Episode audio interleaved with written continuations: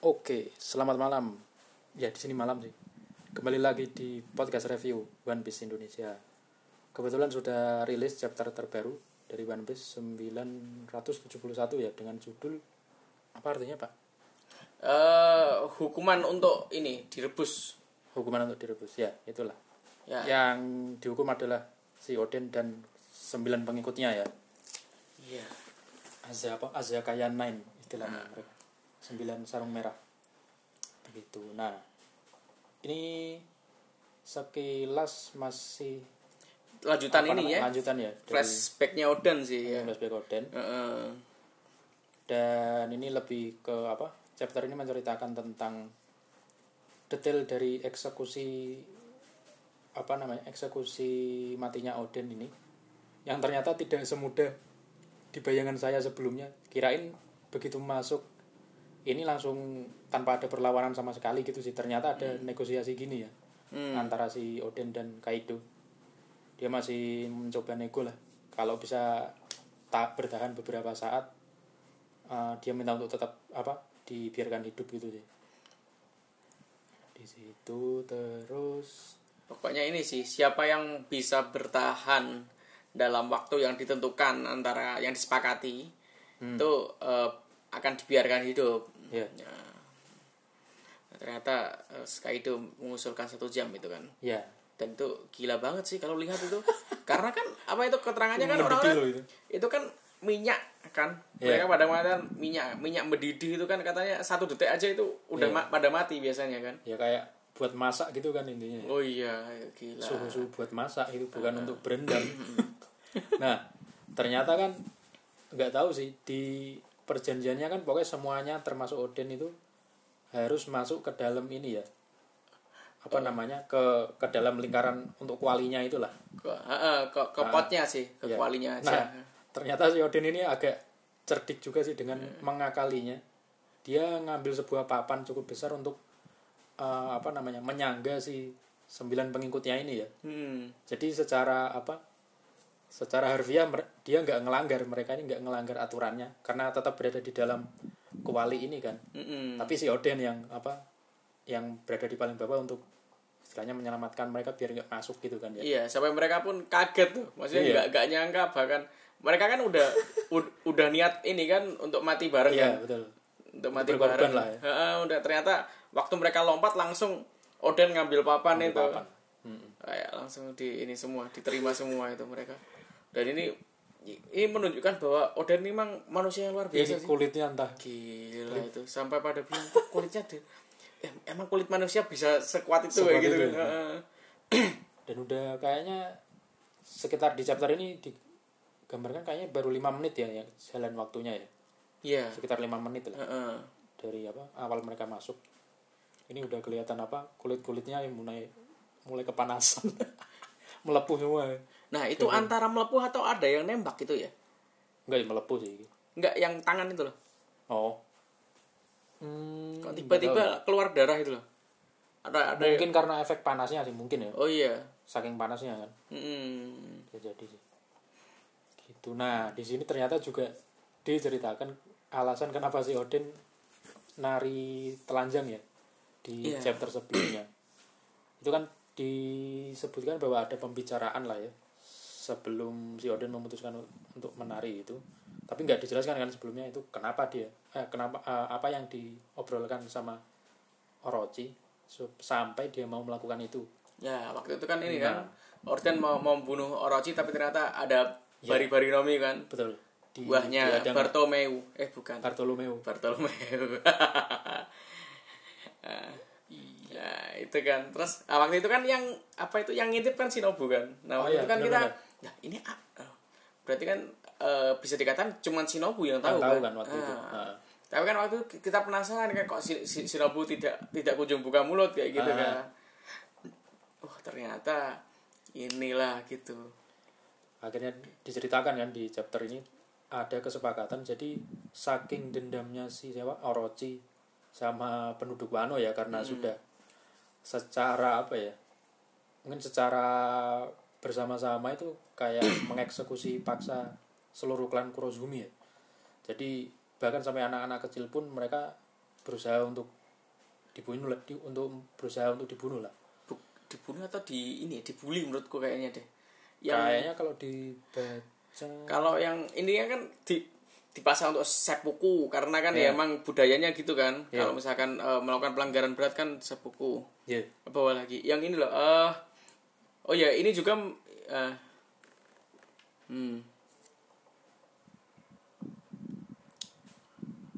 Oh.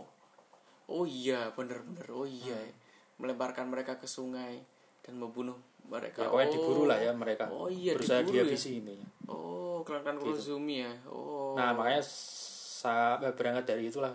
Si Hmm. Orochi ini sangat dendam sih sama seluruh bahkan seluruh dia nganggapnya penduduk Wano jadi setelah dia apa dengan licik dapat gelar apa si Shogun Shogun ini dia langsung memanfaatkan itu untuk balas dendam kan? Nah Hmm. dengan cara apa perlahan-lahan dia menculik semua penduduk Wano untuk nanti diserahkan ke Kaido entah bebas setelah itu mau Kaido jual ke mana atau dijadikan apa.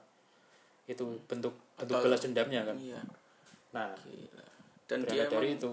Ah, ah. itulah apa namanya si Odin tahu kondisi ini dan akhirnya melakukan negosiasi dengan Orochi dengan cara dia rela apa tiap tiap hari apa tiap minggu gitu kan ya? Tiap minggu sekali. Tiap satu minggu sekali untuk nari telanjang di tengah kota dengan syarat beberapa 100 seratusan gantinya. ya seratus. Ga- gantinya gantinya ini 100 ini eh, kayak sa- saat eh, satu minggu itu eh, Oh, sa- 100 orang satu orang dibebaskan. dibebaskan dari orang yang apa diculik oleh Orochi itu iya nah itu jadi ternyata dibalik oh ya, ironis sih maksudnya ya ternyata dibalik aksi yang disebut goblok oleh penduduk sekitar itu malah dia berusaha untuk melindungi kan ternyata iya dibalik itu ya selama ini sebenarnya kita sudah menduga sih cuman nggak sampai Iya. spesifik ini dan nggak tahu ini. kalau misalkan eh, Oda membuatnya sampai Iya. sedramatis ini sampai kayak keren lah Oda maksudnya eh, Iya. ada alasan yang logik juga sih dari apa itu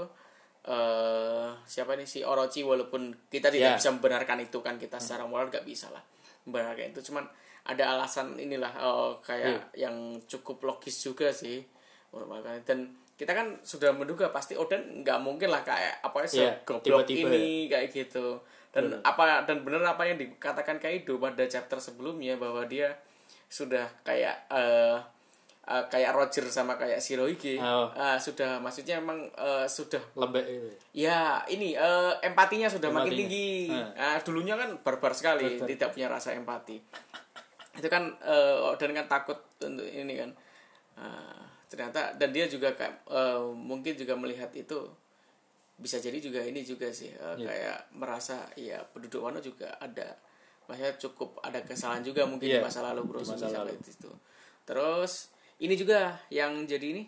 Kita kan bertanya-tanya itu Duh, kenapa kok Oden mau eh, ber ini kayak berkompromi dengan Orochi semudah itu waktu itu? Waktu Iya, iya. on, one, on one. Terus Kaido ke mana waktu itu? Katanya Iya, kan iya. kalau Orochi diserang Kaido bakalan datang. Dan ternyata datang beneran. Iya iya. Dan itu menjawab pada ketika sehat keduanya imbang loh. Bener. Ah, Nah, itu kan ya, keduanya Iya. imbang kan. Bahkan Kaido bilang kalau misalkan kita review chapter kemarin, misalkan Oden mau niat perang dan mengajak samurai meng- dan koalisi dengan Iya Ya Hyukuro, kalah. eh, Kaido malah bilangnya kemungkinan mereka akan kalah. Hah. Selain kalah jumlah juga kualitasnya kan keren-keren kan juga kan Iya sih. samurainya. Kalau ya itulah eh, ini sih fungsinya bineka tunggal ika itu. Kalau kita bersatu itu ini berbeda-beda bersatu itu pasti akan kuat kan. Nah, Iya. Padahal dipikir-pikir kan mereka bener-bener ini ya. Emak bukan pengguna buah setan. Nggak ada nggak sih dari Odin dan sembilan pengikutnya ini? Kayaknya nggak ada kan ya? Kinemon. Kinemon. Di sini kan tapi belum oh iya, dijelaskan kan. eh, ya? oh iya itu nggak tahu udah atau Udah belum apa, sih. apa belum kan? Nah, itu sih. Tapi kan eh eh, ini ya, eh samurai mereka kan nggak kaleng-kaleng kan. Iya benar. Nah, itu kan benar-benar kayak sudah dan haki mereka. Levelnya. Iya. Sampai Hyogoro kan menunjukkan haki level yang tertinggi kan, Rio Iya. kan yang Oh, selama ini kita tahu kan. Sampai ke yang sudah bisa ini bosokunya tinggi-tinggi itu. Nah, iya, iya. nah ini sih menurutku salah satu aspek keren dan konsistennya One Piece dari dulu ya. Jadi ini eh, penggambaran dari kedua belah pihak yang kita anggap sebagai pahlawan atau yang kita anggap sebagai musuh itu mereka pasti punya background story yang akhirnya kita bisa paham gitu loh kenapa mereka melakukan itu. Nggak nggak apa ya sering sih maksudnya. Aku itu nggak bisa 100% selalu memihak ke apa namanya ke pihak yang kita anggap pahlawan gitulah karena ternyata yang kita anggap musuh itu juga punya background story yang menguatkan kenapa alasannya dia melakukan itu gitu sih. Itu kerennya sampai sekarang masih Iya. konsisten dan ini kan masih dilanjutkan sampai ke Orochi inilah ada background story yang ternyata sepedih itu kan maksudnya. Iya, memang maksudnya inilah setiap keputusan yang diambil tokohnya itu inilah eh hampir kayaknya nggak ada keputusan yang iseng yang iseng kan. yang iseng-iseng Nggak ada kan. Eh ya setahu kita semuanya nggak ada yang Memang. iseng kan. Ah, Karena krokodil kan pengen ini kan, pengen Pluton waktu itu. betul Ah, Pengen senjata kuno kan waktu itu. Terus eh, si eh siapa lah Dressrosa itu siapa Dovi si Dovi, Dovi, kan ah. ya karena dia dibuang ini kan menyalahkan ayahnya dia kan Ya. dan sebagainya itu kan ya selalu ada alasannya Iya, kalau ada alasannya itu. menurutku ini flashback Odin ketika nanti akhirnya kita diceritakan bahwa si Odin akhirnya mati ya Hmm. ini menurutku tingkat kesedihannya akan sama dengan waktu flashback antara Kalgara yang di Skypia itu sama Norlan Montblanc Norlan itu Oh loh. iya. wah itu sedihnya parah banget kalau buat saya ya Gimana Pak waktu itu Anda Pak? Sempat menangis gak Pak? wah itu bahkan untuk cuma baca komiknya ya cuma baca komiknya tuh udah lumayan ini bikin berbes mili istilahnya untuk apa istilah Jawa ya. Ya. cukup buat inilah terharu padahal cuma baca komiknya itu belum nonton animenya waktu itu Hmm. ini sih menurutku salah satu yang akan bikin banyak orang apa ya berbes mili juga Iya, akan membuat ini. ya, banyak lelaki meneteskan air mata, Iya. sedikit air mata. itu ini baru sampai sini loh padahal belum diceritakan lagi kan selanjutnya bakal ada apa lagi ini Ini merinding loh. selanjutnya Waktu kita lihat panel terakhirnya itu, panel, Iya. panel, panel, panel, panel bagian terakhir tuh, saya baca tuh merinding banget ini. Heeh. Gila, gila. bahkan di apa ya kan di kondisi Odin yang sudah nggak punya kuasa kayak dulu itu dia masih berusaha melindungi seluruh negerinya itu kan. Nah, itu sih yang paling keren dari chapter ini menurutku. Ya kayaknya masih ada yang perlu dibahas nggak ya? Sepertinya masih lanjut-lanjut ini sih detail-detail flashback terutama di bagian eksekusinya ya untuk chapter ini. Dan mungkin akan berlanjut di mungkin sekitar dua chapter ke depan kayaknya. Iya. Dan alhamdulillah tidak libur minggu depan jadi satu Ya. minggu lagi kita akan dapat chapter baru Ya, jadi kita eh, tidak perlu lama-lama ini ya eh, penasaran. ada lagi nggak ya Hmm. Apa sih? Paling sisanya nanti ini sih teori-teori kemungkinan sih. Tapi mungkin besok aja kali ya biar Iya. apa itu pendengar itu lebih enak kayaknya. Iya. Kayaknya nggak belum terlalu banyak yang bisa dibahas sih dari chapter ini. Sekilas masih ya fokus ke eksekusinya ini kan. Hmm. Gitu. Oke. Cukup dulu kali ya Ya. untuk episode kali ini. Ya. Sampai jumpa di apa? Episode selanjutnya satu minggu lagi kemungkinan. Ya. Selamat malam.